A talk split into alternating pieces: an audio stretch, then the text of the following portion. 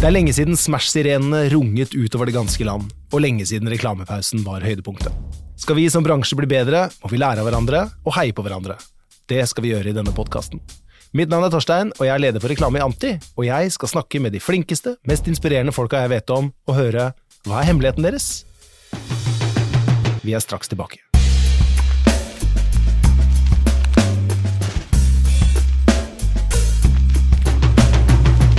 I dag skal jeg snakke med to av de smarteste folka jeg vet om. De har på bare noen få år gjort en sterk merkevare enda sterkere, med reklame folk elsker og bransjen beundrer, og nå nylig tatt steget ut i Norden. De har markert seg som tydelige stemmer i bransjen, og behersket både det akademiske og det kreative, med både effektpriser og kreative priser å vise til. De har vunnet sølvfisk på første forsøk, to gull i Jan for effekt, sølv og bronse i Gullblanten, og hedret med årets markedsfører i 2022.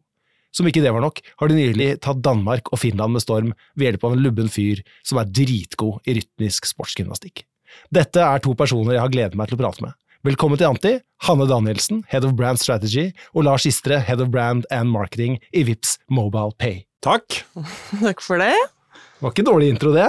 Nei, det var rene ord for penga. Ja, du har gjort, uh, gjort hjemmeleksa di. Wikipedia. alt. Wikipedia. Sjelden godt sagt, syns jeg. Alltid sånn her. Ja. Uh, men veldig kult å ha dere her. Uh, og mitt første spørsmål er jo til dere to. Hva er hemmeligheten deres? Skal jeg begynne? Ja, gjør det. Trekanterfaring. Oh, oh, kan, vi, kan vi si det på pod, podkast? Må, vi- bipe det? Hva, hva mener du nå kommer alle til å tenke underbukse med en gang, men det, det skal vi ikke snakke om. Nei. Men jeg tror jo en av grunnene til at jeg kan er, gjøre en god jobb for min arbeidsgiver i dag, som er Vips, er jo nettopp fordi at jeg har eh, erfaring fra flere deler av dette bordet, da, Ja. hvis du skal kalle det det. Jeg har vært så heldig, og jeg har ikke drevet med noen karriereplanlegging overhodet, men jeg har det å jobbe både med å eh, lage kommunikasjon, eh, plassere kommunikasjon, og nå kjøpe kommunikasjon, tror jeg gjør at jeg eh, Om det er en hemmelighet, for det, det vet jeg ikke, men det er i hvert fall min Jeg tror jeg er en mye bedre eh, markedsfører, nettopp fordi jeg har erfaring med flere sider av det å lage god kommunikasjon. Da. ja, riktig. For du jobbet både i mediebyrå og reklamebyrå før du begynte i Vips. Ja. Og det har jo du også. Er det, er det den samme hemmeligheten du har, Hanne? Nei, litt annen type hemmelighet, kanskje. Jeg tenkte mer på altså Det at man kommer fra byrå, kan vi jo kanskje snakke litt mer om også, for det er jo noe vi har til felles, da. Eh, Men at jeg har den Jeg tenker jo at all markedsføring eh, egentlig koker ned til to ting. Og det er eh, god menneskelig innsikt og god historiefortelling. Mm. Og mye av min bakgrunn er jo litt sånn atypisk kanskje for eh, en del reklamefolk, og det er at jeg er utdanna innen sosiologi og journalistikk. Og der er jo egentlig kjernen i de to tingene er jo egentlig menneskelig innsikt og god historiefortelling. Nå sier ikke jeg at eh, alle, alle som jobber i markedsføring burde gjøre akkurat de to tingene, men jeg tenker at den kombinasjonen og den bakgrunnen med å se ting, ha på seg kanskje litt andre typer briller enn de som kommer fra BI, da, uten at jeg skal si noe stygt om det til de rundt bordet her i dag, så tror jeg det er i hvert fall at det er en, en kul inngang å ha. Da. Man trenger litt ulike typer folk eh, i et rom om, på en jobb, og både på kundesiden og byråsiden. Men det er veldig interessant. Her sitter det to eh, markedsførere med, med altså en eh, formidabel track record på veldig veldig kort tid, eh, som ikke har gått den tradisjonelle løypa. Eh, dere har begge fortid i reklamebyrå, men eh, du er jo da en økonom, om ikke fra BI, i hvert fall fra, Danmark. fra Danmark. Eh, du, har, du har lært matte på dansk, Ja. Men det, er jo, det er jo interessant. Er det, føler dere at dere liksom møter jobben eller oppgavene deres på en annen måte med den ballasten dere har? Kanskje vanskelig å svare på, men hvordan er det det kommer, kommer fram, den, den, den trekanterfaringen? La meg si det sånn da, at eh, jeg begynte i Vips for tre år siden nå. Og um, han som ansatte meg, Even, han hadde garantert en søkerliste med masse folk som hadde erfaring fra bankfinans. Sikkert som var markedssjefer herfra til månen innenfor bankverden. Men han valgte å ansette, ansette en person som ikke hadde jobbet verken hos en bank eller hos en annonsør eh, noensinne før. Mhm. Jeg hadde da ja, eh, mye erfaring, men kun fra reklame- og, og mediebyråsiden. Og ja, da har jeg nok en annen ballast, eh, altså en annen ballast med meg inn hos, i en bedrift, da, hos en annonsør, hos en merkevare. Fordi jeg kanskje, jeg har jobbet med enormt mange forskjellige problemstillinger da, for XYZ kunder gjennom så mange år, at jeg tror det det er noe Vips i dag tror jeg kan høste Ja, gitt at de liksom investerte i meg, da, eh, og tør å faktisk ha At du har faktisk mennesker som eh, ikke nødvendigvis bare har jobba innenfor den samme, Mm. samme eh, og fått disse eh, skal vi si, skygge, skyggelappene. Nei, Skylappene. skylappene! Der var vi. Ja. Der var vi. Ja. Men det, er- det syns jeg er veldig interessant, fordi eh, man har jo gjennom mange år i bransjen så møter man jo mange organisasjoner, og det er jo som dere sier, det er jo mye eh, Om ikke det er mye mm, Skal ikke si det ordet høyt, men eh, om folk fra den samme, men den samme bakgrunnen du møter overalt. Men det er veldig sjelden man møter eh, For en ting er liksom økonomer og har jobbet i konkurrerende virksomheter og sånn, men eh, det er veldig sjelden man møter tidligere byråfolk i kundestoler. Og når du møter dem, så er det noen ganger du kan Eller det jeg har vært litt sånn obs på, er at, at det ikke skal være sånn cool mom, eller sånn cool eh, tidligere, tidligere på byråsiden-person, som er sånn Jeg har vært i byrå, jeg vet hva jeg snakker om, jeg vet hva dere driver med. Eh, men min erfaring med sånne de man har møtt opp igjennom, er jo nettopp det at de har et annet perspektiv. og De skjønner hvordan byråfolk snakker, hvordan kreatører tenker i litt større grad, da, i den grad noen av oss skjønner, skjønner hvordan eh, hverandre tenker. Og at det er en enorm fordel å snakke det språket. Eh, hvordan Når du får bli presentert en idé, at du, at du jobber med ideen og ikke mot den med en gang. Da. For det er ikke det at det er noe alle på kundesiden i markedsavdelinger gjør, men det er veldig instinktivt når du, når du sitter i det rommet og du kommer fra en organisasjon bak deg med masse stakeholdere oppover i systemet, eh, så er det veldig fort gjort eh, og begynne å høre de stemmene i hodet, istedenfor Ja. uh, de stemmene som heier på ideen og kreativiteten og effekten vi skal skape sammen. Mm. Uh, og det, den tyngdekraften der, et, etter å ha jobbet år etter år etter år på kundesiden, den må du aktivt jobbe mot. Ja. Ja. Og de, de siste årene her i, i Vips har man jo Jeg sier litt flåsete, sikkert eh, litt breialt òg. Jeg er garantert, hvis jeg hadde gått tilbake til byråverden nå, så hadde jeg vært en bedre konsulent. Ja. Mm. Fordi jeg har rett og slett jobbet med mer enn bare den ene P-en, da. For du har en veldig enkel, eh, god gammel porter. Ja.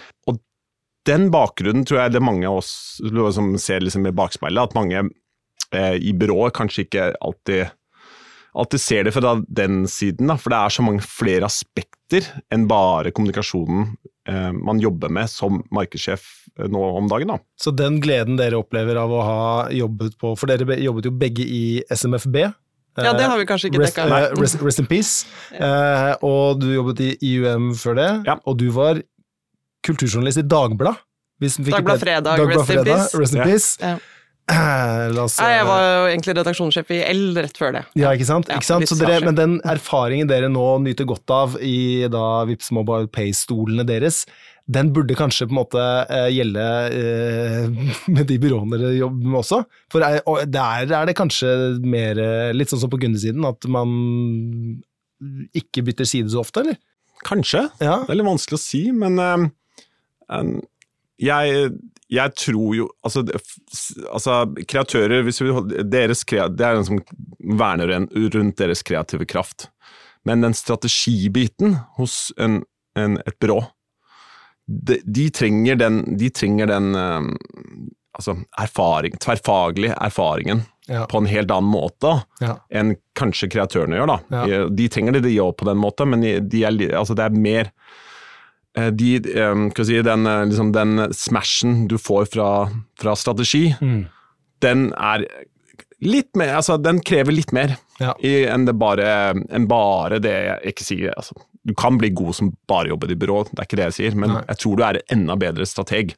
Ved å ha, du, Torstein har jo bakgrunn fra Ringnes og Brilleland, husker jeg Faktisk, riktig? faktisk, Så, ja. Ja, det er, men det er som du sier, det er jo en, eh, for i hvert fall sånn jeg ser det, og som dere nå bekrefter, så er det jo en, en fordel. Man har litt rikere perspektiv, bagasjen er fylt med litt andre ting som kan hjelpe. Men det er, eh, det er spennende, altså. Men jeg, jeg i hvert fall tolker i hvert fall det som en, en slags hemmelighet. da. Dere har en, en snippeske full av litt andre ting som gjør at dere kanskje, eh, spesielt i kommunikasjonsdelen av jobben deres, da, å få ut bra ting, så, så veit dere på en måte hvordan pølser blir laga. Eh, Så det, det kommer kanskje raskere til den gode ideen og beskytter den gode ideen, kanskje? Ja, er du gæren. Er du gæren. Hvis vi tror på en god idé, eh, da er det ingen tvil om at vi beskytter den mye bedre. Ja. Det, det, det vil jeg helt klokkeklart si. Ja. Men samtidig så er vi også gode til å, å, å Nei, nå kanskje jeg fremsnakker oss veldig mye, da, men Kjør på. ja, la oss reflektere rundt det. Men også kanskje være tydelig på å si nei til ideer, da. Vi ikke tror på. Ja. Tidlig nok. Det er rake pucker fra dere, eller? Du kan alltid Ja, bli rakere. Alltid rom for Ja, Jævlig vanskelig balansegang det der òg, da. Og det er jo like vanskelig når man sitter på den andre siden og skal jobbe med team, og hva skal man presentere av ideer og ikke overfor kunden, og så sitter man og mottar det på den andre siden, så vet du jo ikke Du har jo snakket mye om det før, Torstein, i foredrag, og sånn, dette med idébabyer. Altså, det kan jo være en liten, helt sånn umoden uh, liten tass der, som kan bli noe helt fantastisk. Og man er jo redd for å si nei til noe som ikke funker, men det er likevel et eller annet med det derre jeg hørte en podkast akkurat før i dag om um, kreatørene til McDonald's i Wine Kennedy, hvor de snakket om hvordan de jobber i Wine Kennedy og byrået der. Og at nye kreatører som kommer dit, ofte kommer inn med en sånn følelse at her kommer vi sikkert til å bli fortalt at vi skal liksom fight for the good idea og alltid kjempe for ideen. Og det er noe som har vært liksom mantra opp gjennom ja, miljøet vi har vært i også. Og det tenker jeg det er jo på en måte sunt, men hvis du blir for militant på det fra kreatørsiden også, at det er hele tiden den der kampen for eh, denne ideen som man sammen kanskje noen ganger eh, har rulla seg litt i, inn i sammen, og kanskje ikke helt har satt på disse skylappene, da. Hvis du i hvert fall har et godt forhold med kunden uh, din, så må du også være ydmyk overfor at det kanskje ikke alltid er, altså, er ikke alltid gitt at den ideen du har, er den aller, aller beste for å løse den oppgaven du har her og nå. Det Nei. kan være en helt rå idé, uh, og så kan det være at du har et mediebudsjett som gjør at den ideen for all intents and purposes faktisk ikke kommer ut i live til de menneskene som trenger å se den ideen for at den skal få leve. Det er mange andre ting. Mm. Det må også folk rundt et team hjelpe til med Ja. for å få løftet, løftet fram hvordan man faktisk skal til syvende og sist skape effekt av den ideen. Ja. Eh, Så det kan bli litt sånn svart-hvitt noen ganger, det der med å bare kjempe for ideen.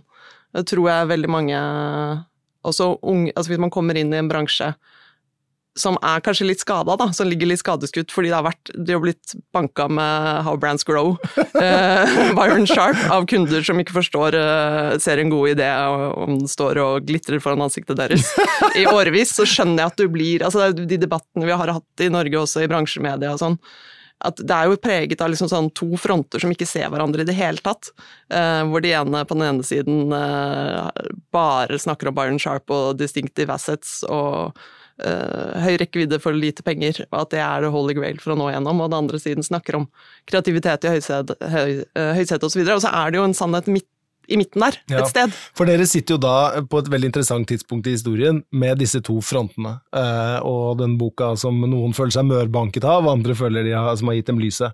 Men dere da eh, er jo to eh, Eller dere eh, balanserer jo det ganske bra, sånn tilsynelatende når man leser casene og amfogullene deres og sånt men hvordan opplever dere dette her? Som du sier at det er et eller annet sted midt imellom. Er dere bare rene pragmatikere her, eller hvor, eh, med fortid i byrå, hvordan, hvordan skal hvordan leser dere Bibelen? Godt, godt spørsmål. Eh, Jeg tror eh, pragmatisme er, en, eh, er et nøkkelord på den ene siden der. Hvis du ser tilbake de, de siste ti årene, eller hvor, no, no, hvor lenge det er, så har det kommet veldig mye gode ting som har gjort det liksom tydeligere hva er det som skaper effekt, hva er det som skaper eh, resultater. Og så er det som, som med alt, da, så hvis du Poenget er at man må, jeg tror da i hvert fall at hvis man vet om alle disse tingene her, så må man liksom um, ha det med inn i hvordan man lager strategien sin. Eh, markedsstrategien, liksom hvordan man fordeler pengene, hvilke liksom regler, kjøreregler man setter. Men så når man, også skal man åpenbart skrive en brief eh, som, som, eh, som er tuftet på noe av det, men også skaper liksom, eh, nysgjerrighet og interesse. Men så når du kommer inn i det kreative rommet, så må du prøve å legge det litt fra deg. Det, liksom, det tror jeg kanskje er nøkkelen til det. Så tro heller på ideen. fordi og det, det er jo ikke bøkene sin skyld, det er nok mer digitale medier at, at effektene har gått ned de siste ti årene. Jeg tror jeg, hørte et sted han, han eh, enten Lesbine eller han andre duden. Altså, Fils.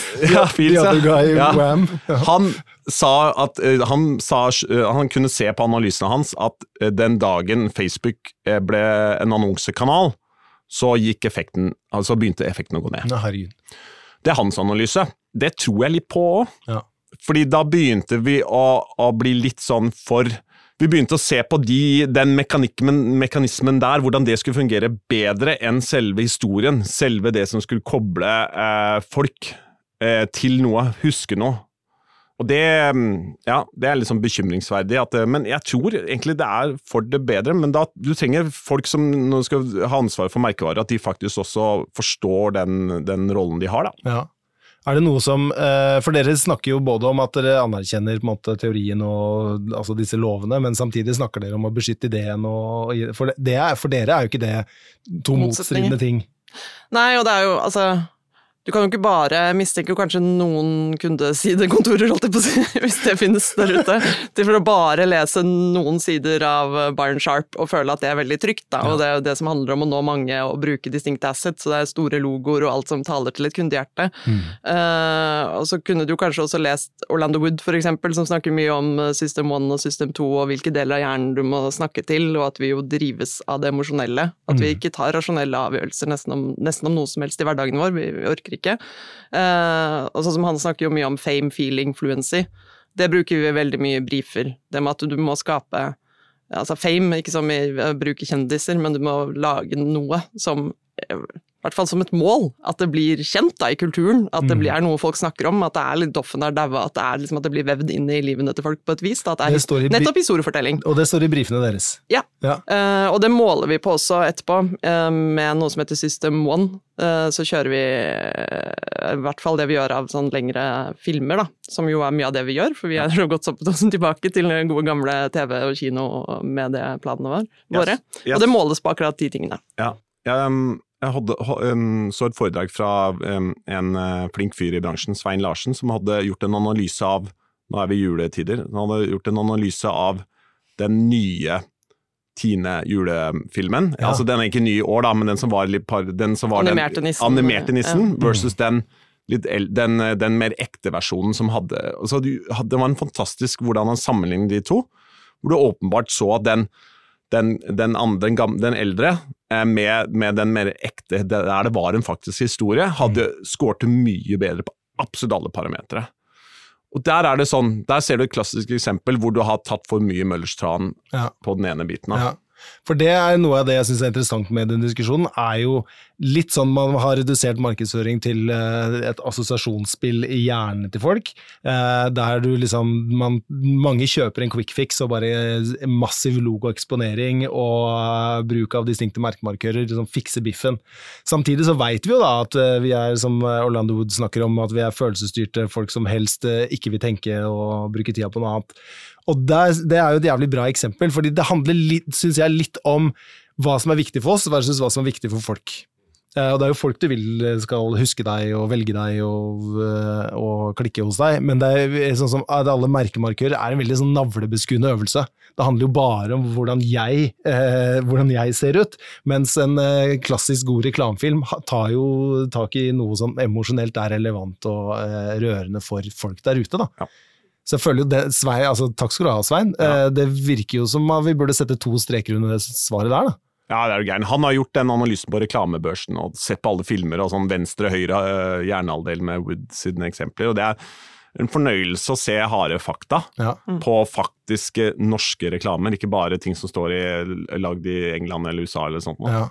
Men eh, tilbake til brifene deres. For dere, eh, det er Fame, Feeling, fluency. Feeling og fluency. Det er tre ting som står i brifene deres. Dere skal ha, ha noe som blir snakket om i kulturen. Eh, dere skal ha Og så skal dere ha Feeling, Noe, altså, feeling er å appellere til det emosjonelle, og ja. ikke bare det rasjonelle. Og ja. fluency handler jo om nettopp å bruke, det, bruke distinkte merkemarkører, eller hva man skal kalle det. Vi skal jo man skal jo, Hvis ingen forstår at det er deg, så er det jo ikke noe poeng å betale for reklamen. Nei. Så Du skal jo bli gjenkjent Nei. Eh, kjapt, men du skal jo gjøre det på så snedig måte som mulig. da. At mm. man bruker Vi har jo både lyd, både Vips og MobilePay. Da har vi jo både lydlogoer som er kjempekjente. Vi har eh, I Norge har vi jo eh, begynt å bygge opp en merkevarekarakter som vi kaller Vipsi. I Danmark og Finland så har de en sånn Swipe, som er kjent eh, symbol i appen som man kan bruke på kreative måter. I Norge har vi Smiley. Altså det er alle disse tingene som til sammen er Det er ikke bare logoen. Nei. Dere putter følelser og fame på toppen av uh, den, de, de distinkte merkemarkørene, og det, virker, og det er sånn man får effekt. Ja, ja jeg kan si det. det vil jeg si. Og all, altså, selvsagt så er det jo jo mer taktisk man kommer, jo mindre elementer blir det kanskje av det. Men, men eh, allikevel, det må være, på, det må være noe krydder, da. Ja. Kanskje ikke det er den sto, alltid den store ideen, men det er et eller annet menneskelig innsikt sagt på én setning, eller gjort med én måte med, med den swipen eller den smileyen, eller et eller annet da, som Ja. gjør at du får smil, Dra litt på smilebåndet, da. Ja. Humring er reklamens beste Ja. venn, som du pleier å si, Lars. Ja, Jeg vet ikke det om det er du som det. sa det først. Ja, det, det må du lage T-skjorter av før noen Ja. tar det fra deg.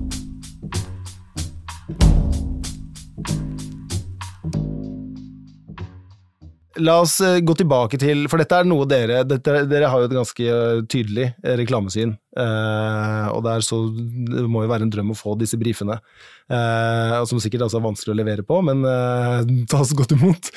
Men ta meg tilbake til når dere begynner i Vips. Så har jo da eh, Vips en av de aller mest kjente og kjære merkevarene i Norge. Vært, vært i telefonene våre i kanskje ti år, eller? Før når dere tar over? ja, snart ti år. Siden Ja, Mange eh, premierte reklamejobber bak seg. Så setter dere dere ned og skriver deres første brief. Eh, hva var det dere ville gjøre med VIPS? Eh, som, eh, hva var liksom prosjektet deres, retningen deres, kursen deres? Jeg tror nok Det var sikkert eh, grunnen til at jeg fikk jobben nå. For jeg snakket veldig mye om at VIPS er jo åpenbart helt fantastisk, og det er, det er eh, stor honnør til alle de som har gjort uh, 'Standing on the shoulder of giants', liksom. For det er blitt gjort så enormt mye smarte uh, avgjørelser opp igjennom, fra å satse på et business case som hadde 700 mill. i minus første året, helt til alle de fantastiske tingene som er blitt gjort både på produkt og på, på markedsføringsside. Men det, vi, det jeg snakket om da, og, øh, og brukte mye av min tid på starten, var å, er jo liksom, vi er nødt til å samle det i en, en mer, eh, da som vi kalte en oransje tråd. da. Mm. For det føltes som vi var litt sånn all over the place. Men så var det jo også den analysen, Hanne, som vi liksom Hva er, hva er det vi skal bruke markedsføringen til? For vi var jo Vi har 100% kjennskap. Så vi har gått rundt med en sånn kjennskapsgraf som bare ligger på 100 og har gjort det i flere år. Det er Verdens kjedeligste graf. eh, Ja. Ja, Som mange ville betalt mange penger for å få. ja, ja. ja, ja.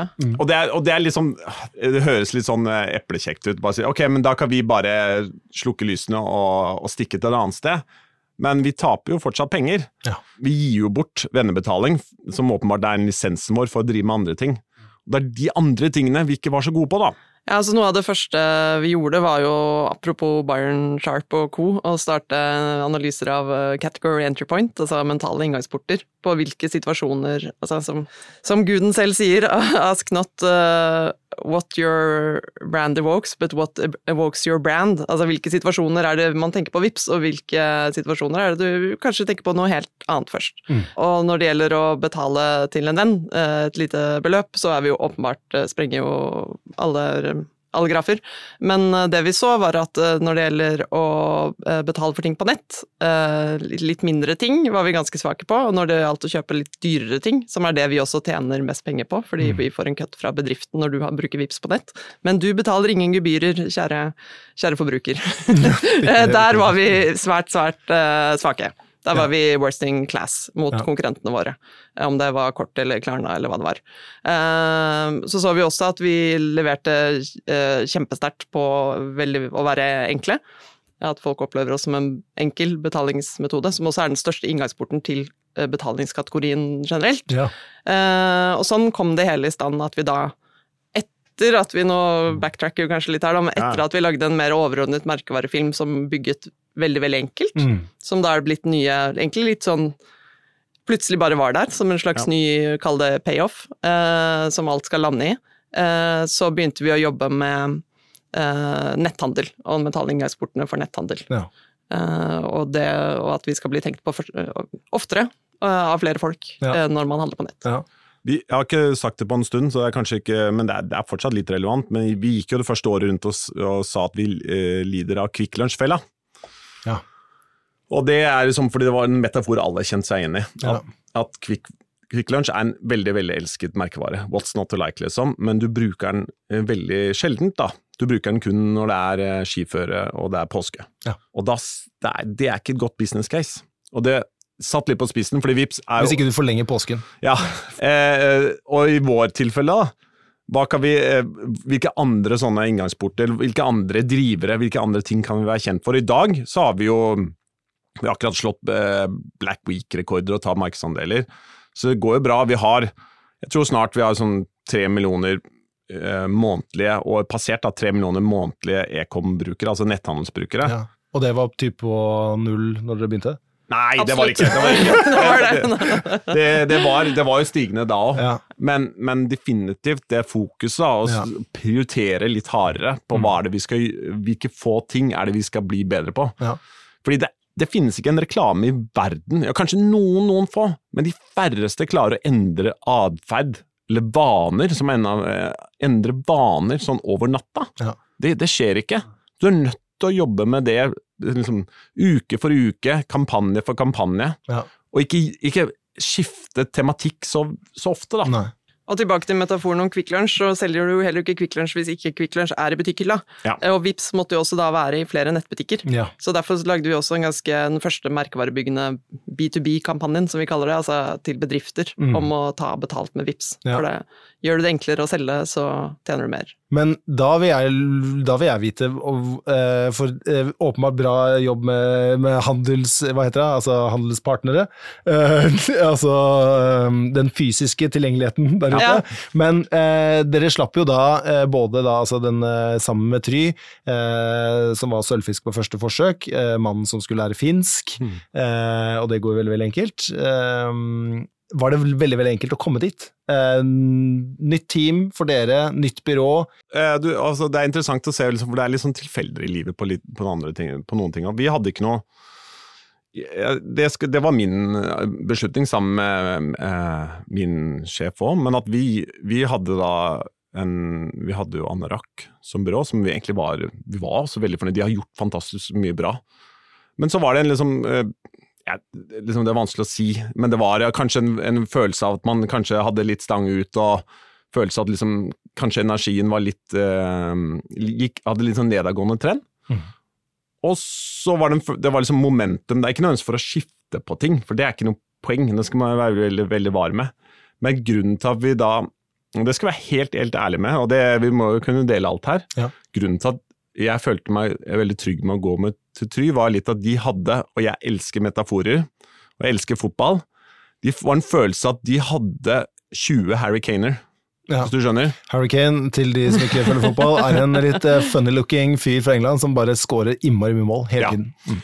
Og det, hvis du ser liksom hva det Han er fotballspiller. Ja. ja. Ja, det, er- det er viktig. Og, hvis du, ser- liksom, og poenget mitt med det er jo at si at den, den absolutt viktigste eh, egenskapen et reklamebyrå skal ha, det er det annonsører ikke besitter, og det er kreativitet. Det er det absolutt eneste eh, jeg mener skal være altså Selvsagt er det mange andre kriterier, men det er numero uno. Det er spansk for nummer én. Ja. og den følelsen da, av og den tryggheten jeg fikk òg, og at du kunne hadde en god dialog, åpenbart en, en dialog, men den følelsen av at jeg kjente at ok, hvis, jeg ikke, hvis ikke vi får den eh, kjemien eller det vi skal med det eh, første kreatørparet vi skulle jobbe med, så finnes det 19 andre Harry Kaner bak der. da. Mm. Så det var, det var en stor mulighet for å skape suksess. Og altså, hatten av til både dere og, og Try. Det var vel um, Harry Kane som uh, Camilla Preben. Camilla Preben, som Ja. lærte oss å snakke, snakke finsk i en fei. Eh, det gikk jo veldig veldig bra, men da var jo eh, Dere hadde vel li, sikkert litt å bevise òg? Her satt dere, fersk i stolen. Litt ulik eh, og annerledes ballast, Eh, men eh, det, var, det gikk like enkelt som man skulle tro. Ja, og der er vi nok litt prisgitt også, eller vi er heldige at vi har, eh, vi har en øverste ansvarlig, en eh, Rune Garborg, som er en tidligere markedsfører, som er med og pusher oss, og, men også stoler på oss. Så vi hadde jo selvsagt han tett involvert her, Ja.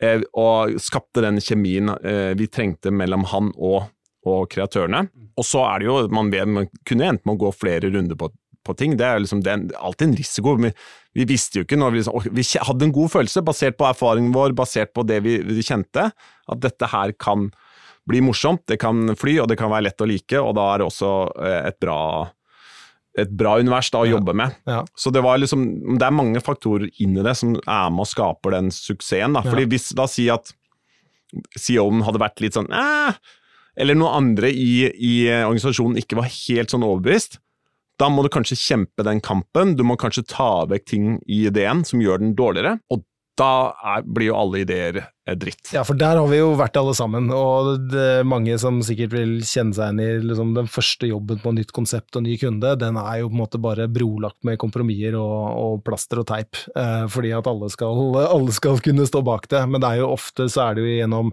eh, kampanje to, kampanje tre, at man liksom finner formen, og så, og så sitter den. Men dere satte da altså på, i krysset, eh, for å bruke en ny fotballmetafor, på første forsøk, mye takket være at dere slapp å kjempe eh, med sjefen sjøl. Mm. Ja, ja, helt klart. Han, han, er jo mannen som i sin tid kjøpte, kjøpte reklamen eh, for DNB, hvor Clooney jeg, jeg, jeg, trenger bare å si Clooney, ja. ikke sant? Det er noe med det. Uh, I hvert fall alle som er over 30, tror jeg husker den reklamen mm. i Norge og ikke bare bransjefolk. Ja. Så, så er, han skjønner fame, da, kort ja. fortalt. Han, ja. Og han vil ha det. Og han kommer trippende bort til oss med jevne mellomrom og spør om ikke det koker noe kult snart. For det er ganske interessant, for mange vil jo sikkert eh, påstå at de, eh, de, er ikke redde for sjefene sine, men at det å liksom overbevise et styrerom eller en, eh, en ledergruppe er, eh, er, forbundet med en viss, viss angst. Eh, men her har dere altså en, en, som basically kommer og skraper på døra deres og vil vite liksom hva gøy som skjer. Det må jo være en ganske god, godt premiss for den jobben dere skal gjøre. da. Ja, er du gæren. Det er helt avgjørende. Jeg har jo tilbake i reklamebyråverden prøvd å, å, å selge inn ganske mye kule ting som vi fikk avslag på. Det er vanskelig. Vi har mye lettere hverdag, rett og slett, og det er, det, det er vi helt ærlige på. Men samtidig så setter jo det lista vår også uh, mye høyere, da. For det forventes den litt sånn litt galskapen, det forventes den uh, famen. Det forventes Altså, Rune var sammen med meg i et møte med vårt danske byrå Ancon og med meg i forrige uke, og det første han sier til meg, er at han eller sier til de i, i det rommet, var at uh, det er én ting som er viktig for meg, det er at dere ikke kommer tilbake med en femmer. Her skal dere gå for tieren, og hvis det da blir en én, så er det helt greit. Men ikke kom med en femmer. Ja, Det er ganske uh, tydelig. Ja. Og forbilledlig. Det er det. Ja. Og det er, det er, jo selvsagt sinnssykt inspirerende å jobbe med. Mm. Og hvis du begynner å ta det store helikopterbildet av eh, norsk markedsføring oppi der Jeg tror jo det finnes veldig mye talentfulle og veldig mye gode ideer i skuffene. Men vi må på en eller annen måte klare å lære opp eh, CEO-er og eh, CFO-er, da til å forstå kraften i sånne ideer, da.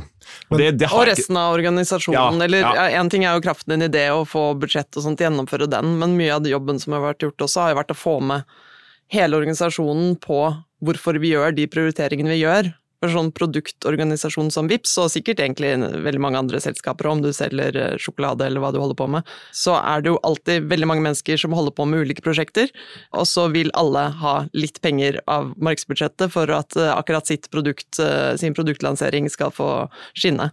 Hvis du da sitter og er oss og gir litt til alle, så gir du egentlig ingenting til noen. Eh, fordi da sprer du, da blir det en tynn suppe, som Lars liker å si, og det er jo det dummeste vi gjør som markedsførere, er jo ikke kraftsamle oss bak noe som vi vet skaper effekt. Ja. Så det å få med folk på tanken om at denne filmen, hvor det er en fyr som lærer seg finsk, og gror en bart og snyter en kylling ut av nesa. Og, så signerer vi det med veldig veldig enkelt. At det kommer også til å hjelpe deg å selge din checkout-løsning, eller hjelpe dere med å lansere dette produktet, eller hjelpe B2B-markedsføringen vår. Det er også en øvelse, og det er også en jobb man må gjøre, og som man ikke kan anta at folk eh, forstår eh, av seg selv. Mm. Eh, men vi har jo trua på at det i noen tilfeller, da, selv om du skal jo balansere det hele, uh, men at det tross alt har mer effekt for oss alle. Ja. hvis vi investerer men, det. Så selv om dere har uh, Rune på toppen som uh, ber dere alltid sikte på, på tiere, så skal dere jo fortsatt overtale andre viktige mennesker i organisasjonen hver gang. Så dere har jo, om ikke carte blanche, så har dere en oppmuntring til å gå for fame og feelings. Men dere, det er jo fortsatt mange andre folk involvert her som dere må ja. selge det til. Ja, ja. Og sette en høy terskel. Altså Rune, det betyr jo også at Rune setter også høye krav til oss som markedsfører, at vi skal involvere oss i de andre P-ene. Ja. Mm. Vi skal bry oss om eh, prissettingen, vi skal bry oss om, om place, da, eller distribusjonen. Vi skal bry oss om alle de produktbitene. Den tynn suppe-referansen som jeg hele tiden blir eh, Det er sånn intern referanse, fordi jeg, jeg sa til det i produktmøtet at dette var litt tynn suppe. Og det ble en sånn greie det er også fint da, at vi har høy At det skal være den tryggheten i gruppa. Ja. Så kunne, kunne si det. Og jeg mente det velment, og de Ja. var helt enige at det var tynnsuppe. Jeg tror nok de var glade for at det var noen som sa det, Ja. for det var realiteten. Mm. Nå håper jeg den er tjukkere, den suppa. Men, eh, du Den er ikke lansert. Da får vi, se hvordan Norge dømmer den suppa når det kommer.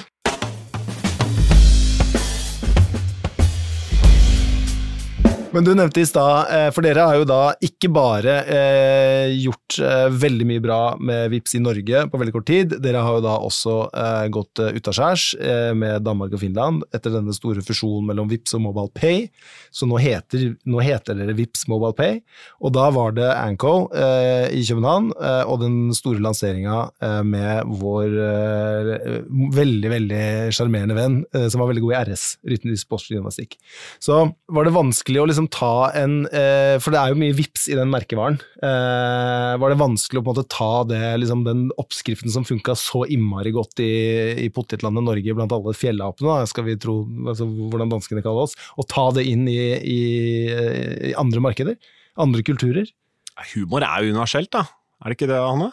Ja, humor er, ja, Nei, noen, det- det- typer, det- noen typer humor er universelt, men noe av det vi tenkte på var jo nettopp det at ok, vi kan ikke være Det som er god humor i Norge, sånn typiske norske reklamefilmer, er ikke sikkert at det er akkurat det samme som er slår an i Finland og Danmark. Og vi merker jo bare, bare nå med samarbeidet at det er, det er kulturforskjeller eh, mellom både Norge og Danmark, og det er kulturforskjeller med Finland. Og, og vi Altså ulike innsikter også i de ulike markedene. Uh, finnene er veldig glad i cash, fortsatt Ja. for eksempel. Uh, og danskene driver ikke med Klarna, og utsatt betalingsprodukter er veldig fremmed for dem. Så det er betalingsvanene våre som er ulike, da. Så det lå en del bak den brifen til Anco her. Hadde vi et dansk byrå, da, uh, hjelper jo, og et finsk, altså Bob the Robot, som er i samme i NOAH. Eh, innsikten Altså grunnen til at vi gikk for den retningen som vi gikk for, eh, var jo blant annet at dette ville flyte på tvers av landegrenser, både i Finland eh, og i Danmark, og kanskje en gang i Norge også, samme filmen. Og det gikk jo på da at vi tok en universell menneskelig innsikt, nettopp det at eh, følelsen av at altså, denne mannen sitter jo da og ser på turnshow med, med barna. Uh, masse, masse barn som driver med turn, og så er det noen som tar initiativ til å samle er det hvem, tar, hvem samler inn penger til sommercampen. Og så begynner alle å fomle og titte bort, og ingen er åpenbart interessert i det. Det tror jeg folk kjenner seg igjen i både i Finland, Danmark og Norge. Det er ingen som har lyst til å være den personen. Det er litt sånn som å rekke opp eh, hånda for å være FAU-representant på foreldremøte. Ja. Som jo også er dramatisert i Norge, vel på Mårud-reklame, tror jeg. Mm. Så det er universelt. Og, men det som også er universelt i den reklamen, er jo det at når det er vår mann i, i litt, litt sånn chubby, middelaldrende fyr Uh, tar initiativ til å starte en mobile pay-boks, som er et produkt vi ikke har i Norge ennå. Uh, som er en enkel måte å samle inn penger på. Litt som oppgjør, bare at det er før noe skjer. Så visualiserer vi også følelsen av enkelhet det gir ham. Den følelsen av å bare være on top of things. At uh, livet er knotete, og det er masse slitsomme ting som skjer, av liksom stort og smått i hverdagen, men MobilePay eller Vips da, hjelper deg til å bare få den følelsen av at du bare nailer det. Ja. Og da bryter jo han ut i en eh, fantastisk eh, turndans, og den følelsen du får bare av å sitte og se på det, Ja. det er egentlig ikke noe joke, det er ikke humor på den måten, så du må på en måte ikke lande i noe som liksom finner sitter og at det er liksom Yes, det traff akkurat hjerterota, men den særlig bruk av musikk i tillegg. Nå har vel vi akkurat Jeg vet ikke om du kan fortelle hvilken om du kjente igjen artisten? Det er, eh, det jeg hadde mange kassetter av han da jeg, var, eh, når jeg vokste opp. Ryan Adams. Brian. Sorry. Eh, Og vi har sagt at vi ikke vi skal ikke bruke det i markedsføringen av filmen, nemlig, men hvis du sier det, så kan jeg bare anerkjenne at det, er, kan, det eh, kan stemme. Det er helt riktig. Det er Bryan Adams eh, med Nå har jeg glemt hva den låta heter, men det er en fantastisk låt, og en helt fantastisk eh, prestasjon han gjør, eh, vår, eh, vår, vår venn, i ringene og på bommen og, og sånt noe. Men eh, hele opple eh, fantastisk, fantastisk jobb. Eh, men hele opplevelsen, dere kommer ned til Danmark og møter et dansbyrå sånn generelt, uten å kaste noen under bussen, dere har jobbet i norske byråer og kjenner norsk byråbransje. Er det noen åpenbare forskjeller mellom hva de gjør der nede og her oppe? Ja, ja, vil jeg si. Ja. Eller altså, jeg føler at Anco, og det, nå gir jeg de veldig mye skryt, da, men det er følelsen av at de er veldig, veldig gode. De er liksom, men de er også veldig gode i, i alle ledd. Ja. Ofte så får du en følelse av at noen eh, her i Norge, kanskje noen byråer, er veldig gode på én ting. De er kjent for det. De er retail-byrå, de er de best på kreativ, de er best på strategi. Men det føles som at de er liksom kan klare å levere på alle deler av den, den reisen. Mm.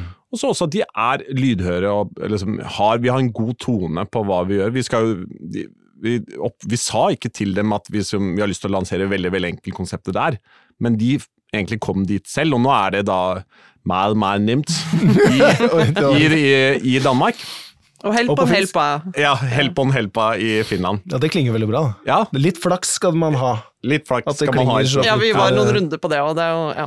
Det finske språket har mange, Ja. mange veier. Det har det. Men det, det, de, har nok, de har vært gode da, med å, å treffe den biten. Og så det selvsagt er avhengig av mennesker og ditt og datt, men det virker som en bra måte å jobbe på, som Ja. de har kommet seg dit.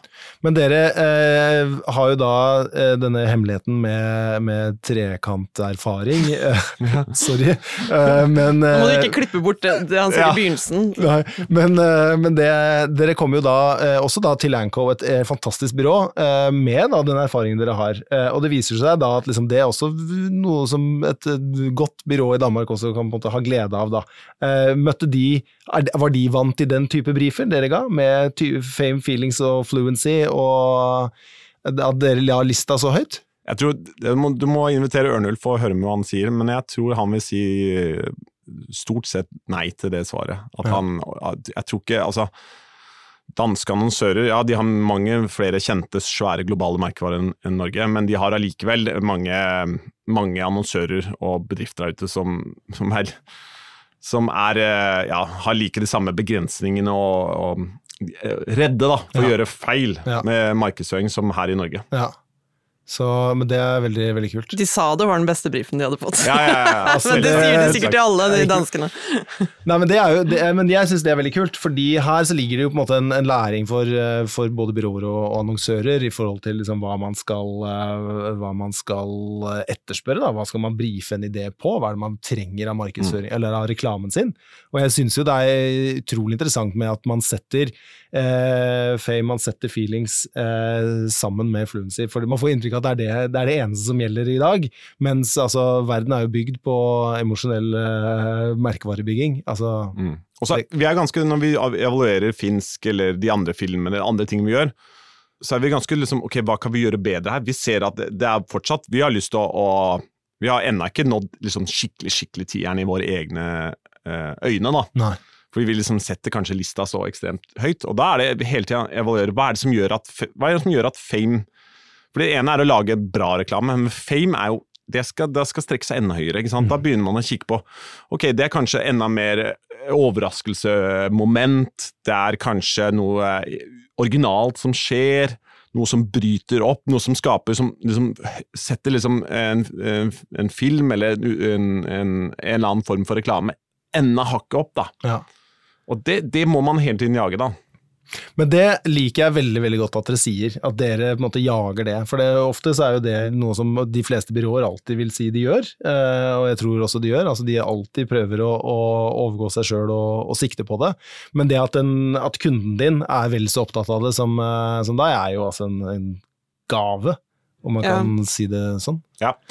Og det, men så, og så det, er det, som er vans, det, er det, det er vanskelig spill, da, fordi alle har lyst til å lage den Pulp Fiction-filmen. Mm.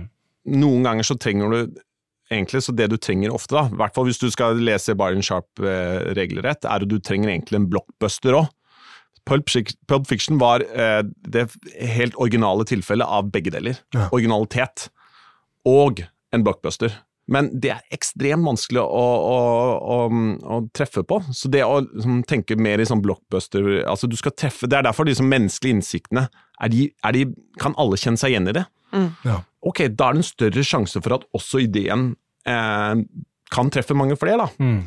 Eh, og Det tror jeg er et sånn godt utgangspunkt å, å kjenne på, at liksom, du har en menneskelig innsikt som både jeg kjenner meg lett igjen i, men uh, en i en annen organisasjon, mora mi, kjenner seg igjen i. Ja. Da, da er du inne på noe. Altså. Og hvis du finner den, da tror jeg det bor veldig mye bra ideer òg.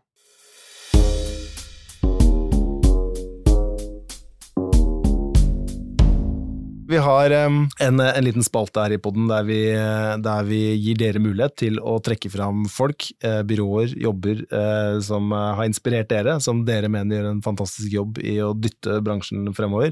Jeg vet at jeg syns dere gjør det, men hvem er det dere eh, har lyst til å hylle? Eh, og de dere hyller, de skal vi eh, sende en flaske vin og liten oppmerksomhet. Så hvem, eh, hvem fortjener en, en liten shout-out fra, fra han og Lars i Vips? Ja, jeg tenkte Tygga litt på den, for du sa på forhånd at vi skulle bli spurt om det. Så tenkte jeg først på deg, faktisk, men det hadde vært litt sånn teacher's pet. Men det var jo du som i sin tid Jeg har fått et eple allerede. ja. Det var det du som i sin tid eh, sa, ga meg Barn Sharp, tror jeg. Jeg sa jeg gjerne skulle lære litt mer om marketing. Så bare kred til deg, takk, faktisk. Takk. Så, men uh, så tenkte jeg også på våre tidligere kollegaer i Ring 2, uh, som, som, nå har startet Ring 2 fra SMFB, Alex Hans Magne. Men det er litt døvt, sånn der, sånn som den kudospalta i Kreativt Forum, hvor alle alltid bare name-dropper sin nærmeste uh, venn på Westerdals. Uh, så det jeg tenkte på, var at en fra kundesida, som vi nå har blitt så glad i, som jeg ikke kjenner i det hele tatt og aldri har prata med, men min navnesøster, eller navnekusine Hanne Lill i Finn. Ja. fordi jeg syns de gjør så sjukt mye bra. Ofte så kan vi kanskje sitte og peke litt på andre reklamer og si sånn vi, vi er bedre enn dem. Men når det gjelder Finn, så er det ganske ofte at jeg tenker sånn her er de bedre enn, er de bedre enn oss. Ja. Uh, de, jeg syns de har vært sjukt flinke over tid, og alt fra fiks ferdig, altså det, ja, de, de ja. siste reklamefilmene, uh, og de menneskelige innsiktene i alt fra ja, altså, knotete samtaler med folk på Finn. Det er sånn, det, det, Innsikten bare ligger der. Selvfølgelig skal du levere på, på, det på den måten. Og jeg vet at det er Morgenstern som er byrået deres, men når du har sittet på den siden eh, Og det, all kred til dem også, men jeg vet at når du sitter på den siden og over tid i en organisasjon, så er det også jævlig mye kred til den personen som kjøper reklamen. Mm. Så all honnør til uh, rå ja. reklamekjøpere. Ja. Så det er markedsdirektør i Finn. Altså. Ja. Da Hanne Lill, skal du uh, få en flaske vin i posten. Lars? Bare meg, da. Ja. Hvis du har gått deg vill i Byron Sharp, eller hvis du er litt rådvill i forhold til uh, hvordan jeg skal få solgt inn denne ideen, så ville jeg googla og lese meg opp på kommentarene til Svein Larsen i A-type. Mm.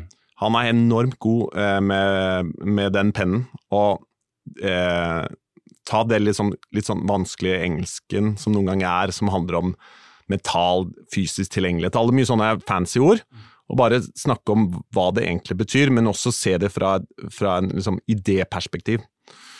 Og det syns jeg er Det er liksom eh, ble, Jeg blir ofte inspirert og blir glad når han skriver en kommentar Eh, enten i kampanje eller sin egen blekket, tipper jeg.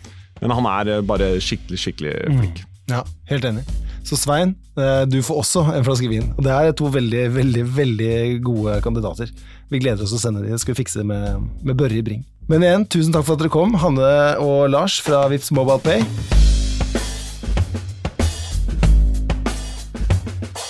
Superkult å høre hemmeligheten til Hanne og Lars i Vips Mobile Pay som faktisk er å bestille berømmelse og følelser fra byråene sine, og ikke bare distinkte merkemarkører. De sykter skyhøyt hver gang, og er ikke redde for å få en ener, så lenge målet er å lage en tier. Og den oppskriften den funker jo ikke bare i Norge, men også i resten av Norden. Takk for at du hørte på, vi er straks tilbake.